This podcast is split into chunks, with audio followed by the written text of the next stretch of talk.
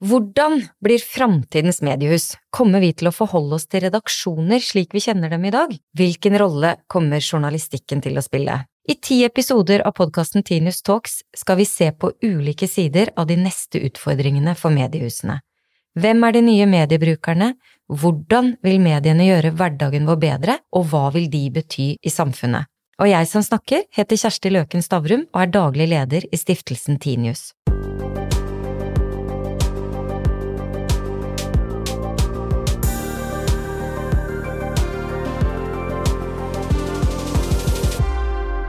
In this series, in the Tinius Talks, we are exploring the future of media houses. And today we're lucky enough to have Professor Lucy Kueng with us. Uh, and I would very much like to, to give her a proper introduction so that you all understand uh, why we're so eager to, to talk with her in this podcast. Because Lucy is a professor and expert on strategy, innovation, and leadership, with particular emphasis on managing technology shifts. Uh, and she's a professor of media innovation by the University of Oslo and has been visiting fellow at the Reuters Institute. Welcome, Lucy. Thank you. Nice to be here. Very nice to have you here. And, uh, and I would like to start uh, with uh, the report that you made uh, by the Reuters Institute back in uh, 2017 already, called Going Digital, because uh, in my opinion, it was quite widely quoted, and your message was very clear. You said that uh, the legacy media need to put as much emphasis on transforming their organizations as they do transforming their content. So now this is two years ago. How did that go, you think? I think the message was really well received, actually. I think um, a lot of people had realized that after transforming the attempting to transform the business model and transform the product, they kind of realized the organizations needed a lot of work. So the resonance was really good. Um, I think my sense is one of the kind of deep seated issues in the media industry in general is it doesn't have a very well developed management organizational muscle. It's, you know, a lot of the passion, the commitment, the energy is focused on the journalism, on the product, on, on, on the content. And I think the issue which that report flagged up and which I'm looking at more in the research I'm working on now is this need to become an incredibly sharply, smartly run organization. And that's, that's quite a big shift, I think. And it's a shift that if it happens really transforms every bit of the organization from the culture, how people think to how roles are defined to how leaders lead to how strategy is communicated. So I think it struck a chord, but I think there's a lot of work to be done still. Yeah, could you try to be more specific in a way? What what are you looking for in the in the newsrooms? What will be the good signs of working with the organizations, and what will not be the good signs for that matter? I think the trick is is actually being very systematic on the one hand, looking at the whole organization as a system and being very thoughtful on the other about what you change and what you don't. So I think it's, it's in terms of what are the components in the system, what you're looking at, I think is very clear sense of the strategic goals of the organization at that point. What are we trying to do? What is our story? What, what does this organization have to do to find a viable future? Um, breaking that down into key pro- projects that need to, that need to happen um, and then looking at the kind of knock-on shifts in the inner organization. So, uh, and what I'm finding in the new research is there's really kind of profound shifts in how, how leaders lead. There are challenges in leadership at all levels. There are issues around culture. What are the values specifically we need to change in this organization? How people look at digital, how people look at collaboration, how people look at inclusion, all of those issues. And then there are quite, we, have been on such a ferocious, fast moving journey of change for the last 10 years. We've created all kinds of new roles, all kinds of new departments. Some of those aren't working actually as well as we had hoped. So I think we need to be, we need to really clean up the inner organization and ensure that we have designed organizations that are capable to deliver the strategies we've set and actually enable newsrooms to really maintain the role they've always had in, in democratic societies. But I think we need to really short shorthand, we need to really develop a much more sophisticated management leadership muscle. Mm. And apart from having clear strategic goals, you did not really mention um, technological or digital skills. How crucial do you think that is within the organization? It's very crucial. And one of the things I'm looking at at the moment is the balance between traditional, the legacy, the classic areas, the new digital areas. Because we've been putting those digital areas in now for 20 years, right? Mm. So there is an issue about how those two are balanced. We've all been pushing very hard, you know, digital first, digital first, digital first newsrooms, digital first processes and so on. That's absolutely critical, but we need to think very hard about where does the legacy fit into all of that? Because for a lot of organizations, legacy is still keeping the lights on. And I think we need to find a way for those two areas to exist in harmony. We need to look at skill sets. Some people only want to work in digital. Some only want to work in legacy. Is that tenable? Is that feasible long term if we have, if we are sort of financially so compromised? So uh, yes, I am obviously very aware of the need to get more digital, but I think we're hitting a more kind of sophisticated area of going digital right now, which is really about solving this compromise of how legacy and digital sit together.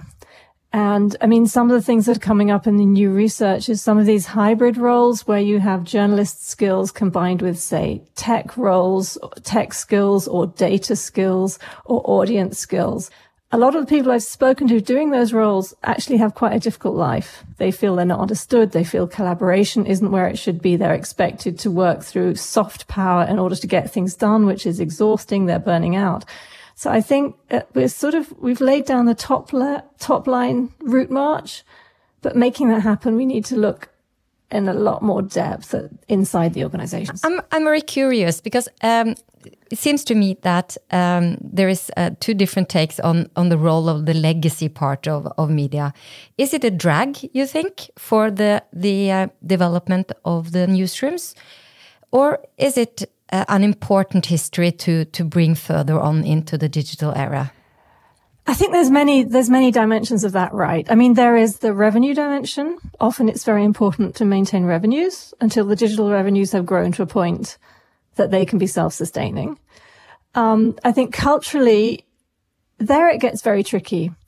Everyone I speak to is saying, yes, we have mm. to change our culture. But the next stage of that is really pinning down which of the prevailing cultural norms and shared values are no longer fit for our journey going forward and which do we want to hang on to.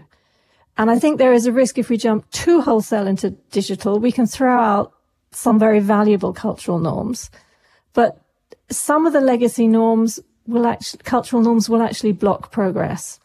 So I think what I see with culture is this need to, on the one hand, be very open about how you change culture, but on the other hand, be very kind of forensic and planned in terms which bits of the culture are no longer fit for where we're going. Are there any aspects you think uh, that is very important to to cling on to in the when it comes to journalism and the newsrooms? Well, I think the commitment to the purpose of journalism in democratic societies, you know, the commitment to the public public good aspects of journalism are absolutely critical. I think the commitment to, to serving readers, to enriching their lives is really important. I think the challenge there is we're in a situation where some of the digital competitors, the platforms have more nuanced understanding of those users than like media organizations now have. Mm-hmm.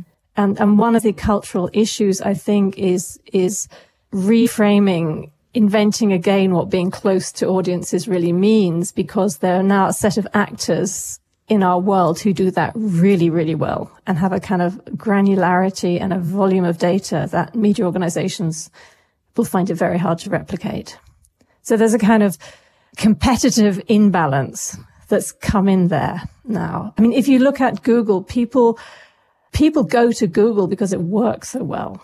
And part of the reason it works so well is they know so much about people. So there, there, are all kinds of tricky issues, I think, around that. So I think one of the critical issues is getting much closer to audiences, even closer. I think you cannot over index on that. And then being very open minded about what those insights mean for how you do journalism, how you do news. And I like to bring up a quote you gave in an interview that really hit me hard, I must admit. You warned that if legacy media don't succeed in the transformation, they could find themselves in a position similar to opera in the world of music.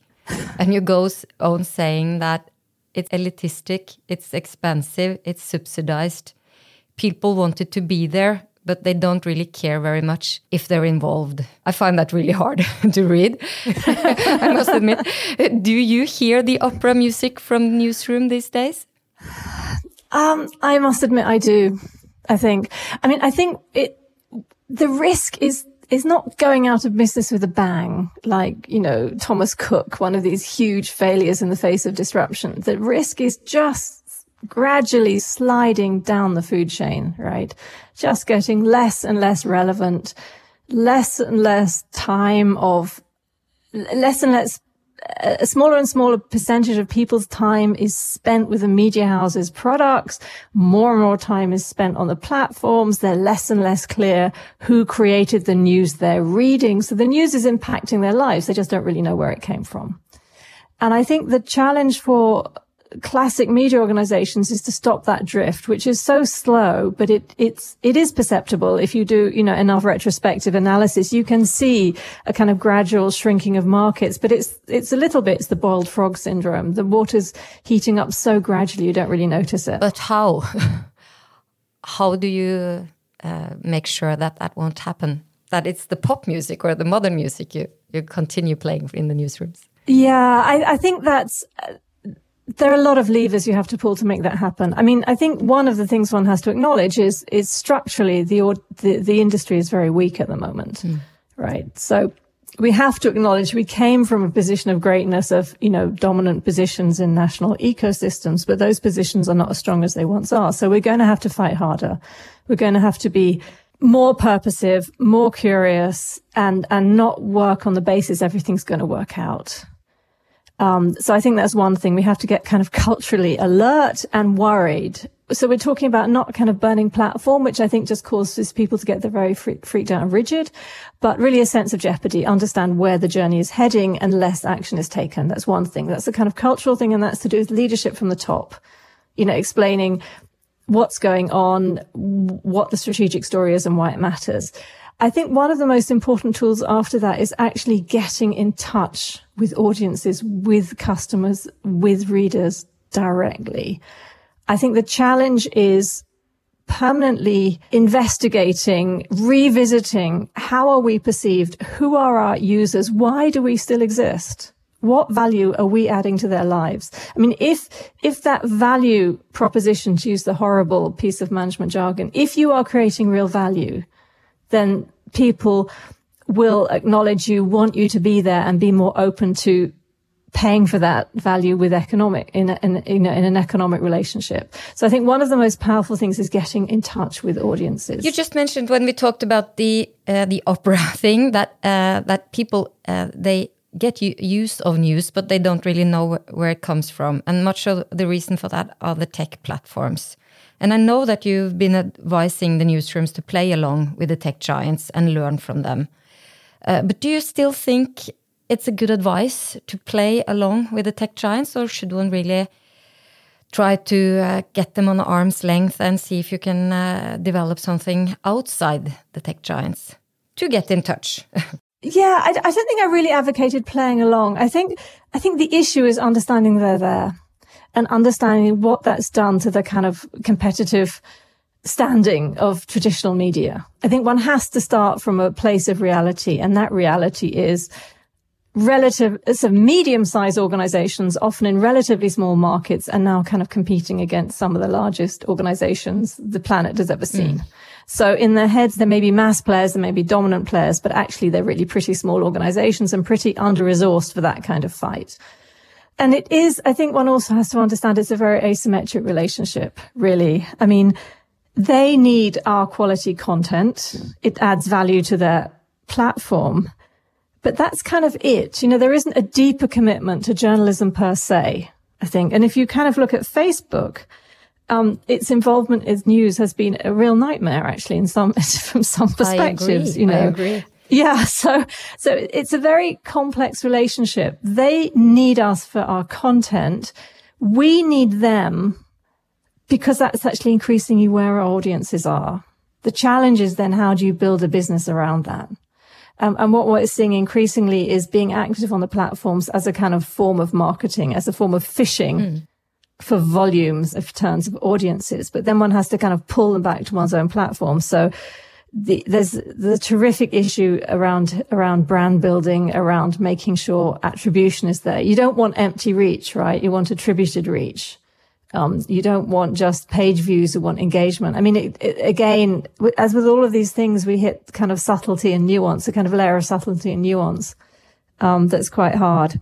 So my sense is for the platforms, one has to be active there because that's where the audiences are, but one has to be realistic. They're never going to supply substantial revenues. They're not, that's not the business they're in.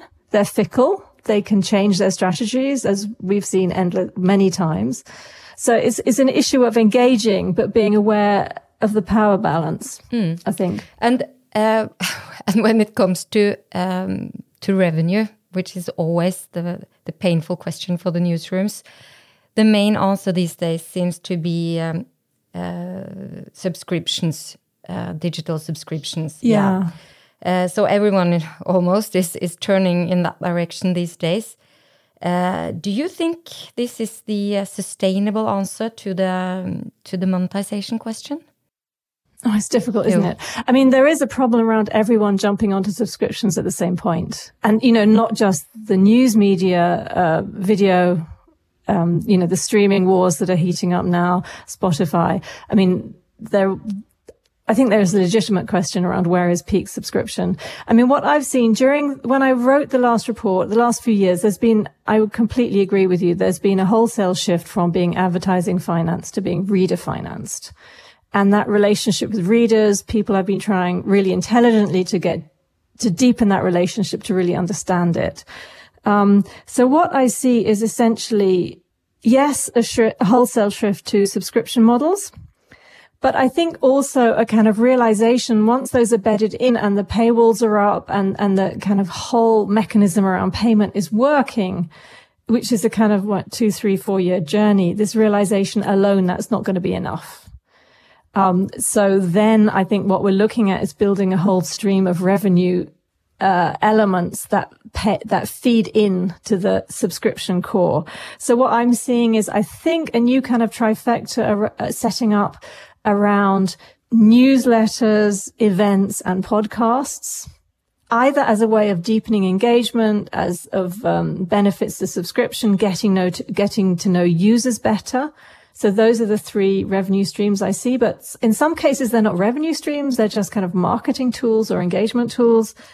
And then on top of that, I think e-commerce is coming up. So I think e-commerce and events I'm seeing as the main kind of attempts to bulk up average revenue per user. But I think the problem is, especially in smaller markets, are those ever going to be substantial enough to fund serious journalism, especially if you want to do that, you know, with investigative journalism, if you want to do that internationally, if you want to keep on touch with up to date with tech developments and so on. So I think what we're going to see is more and more consolidation also in smaller markets, I think. And from the CEOs and senior leaders I've been talking to for this research, there does seem to be increasingly a kind of last man standing philosophy taking hold where in the kind of mid and smaller size markets, people are assuming, okay, in 10 years, there's only going to be a couple of players left in this market and we need to make sure we're one of those. So I think from that point of view, we're seeing more acquisitions activity. And I think the other response I'm seeing, which makes a lot of sense, is actually trying to take costs out of the back end.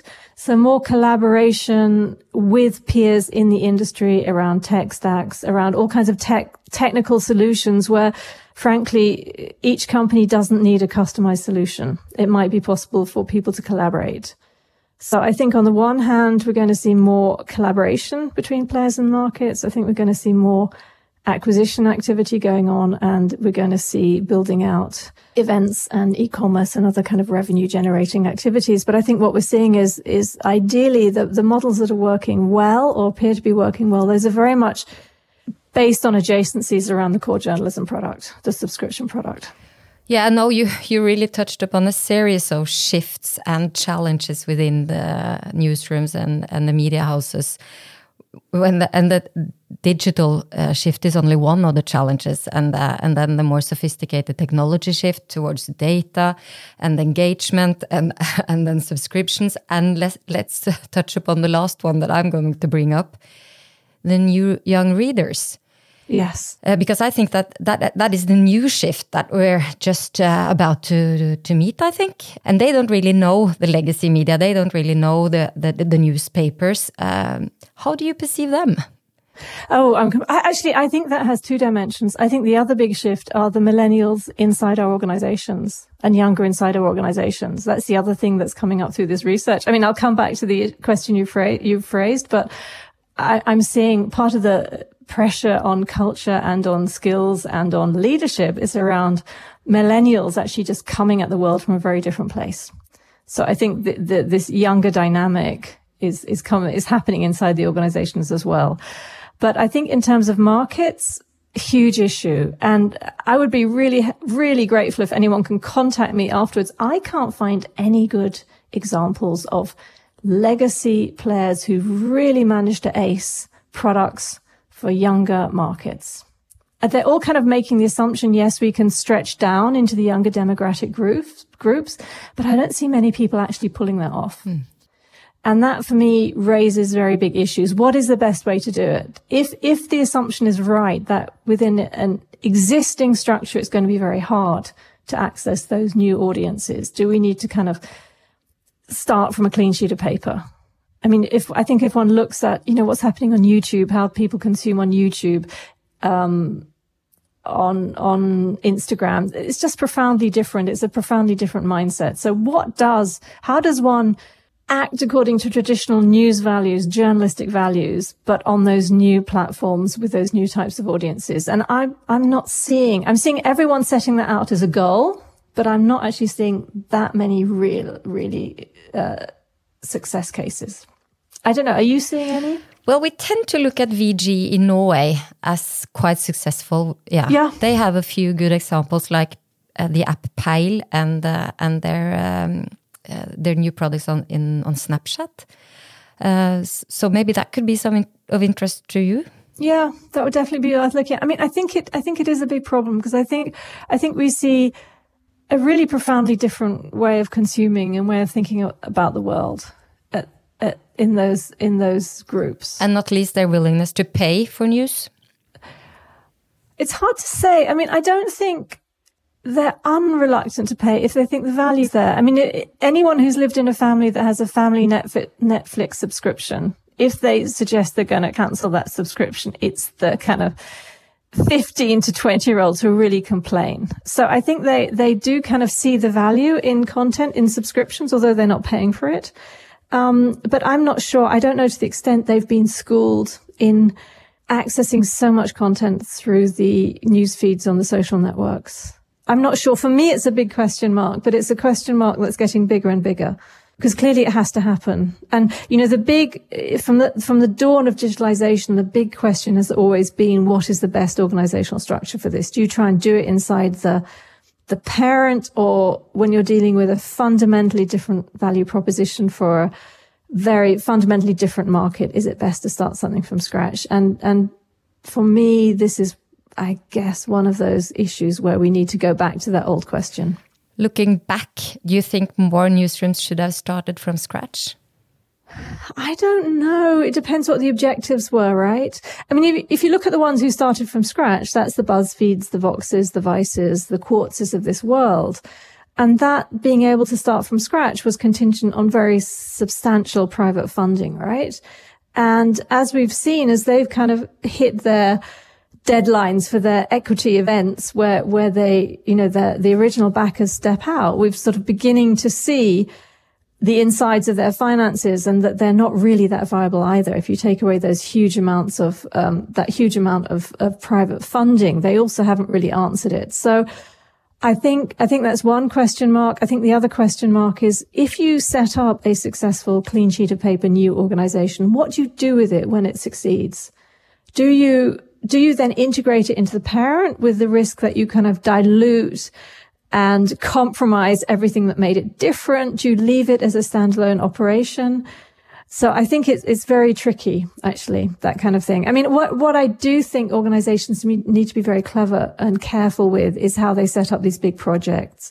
I think if it's, if it's a very kind of exploratory, innovative thing, that can be in a standalone unit. If it's a kind of really major pivot that cannot go wrong, that has to work, you know, a one way door, as Jeff Bezos would say it. Once you've gone through it, you can't go back. I think then that has to be done inside the parent. Right. Before we wrap up, I I just need to to ask this question, uh, hoping for I know which answer I hope for as well. Uh, but you you recommended that that the newsroom cling to the values that journalism had. Yeah. Through all ages on the society and democracy. Do you, with all your knowledge, uh, do you look positive on their ability to to cling to that value? I think the commitment is as strong as it ever was. I think it's even getting stronger in the current environment we are with um, a very toxic news environment and um, issues around news integrity. I, th- I, think actually that commitment is even growing, which I think is is admirable and and courageous and wonderful. I think the problem is if they don't really sharpen up organizationally, strategically, from how they manage themselves, how they lead themselves. There's a, it's not enough, right? They're, they are a set of organizations facing really profound set of strategic challenges. They need to be very clever, very joined up, use all of their competitive advantages to the max in order to, to get through this period and to be able to continue to act on that commitment. That's what worries me. I don't doubt the commitment where I see weaknesses is in the strength of the organizations to fight back. They, they are, they are really challenged to some extent. If you look at them up against some of the new players, they're strategically disadvantaged. And it's not to say you can't win from a position of disadvantage. You've just got to be really smart about it. Okay, let's that be a final challenge uh, in a series, I think, of uh, thought provoking messages. Uh, Lucy Kueng, thank you so much for contributing to this uh, episode of Tinius Talks. And uh, Lucy Kueng, you're professor and expert on strategy, innovation, and leadership. Thank you so much again. Thank you. Thank you for the invitation to, to talk with you.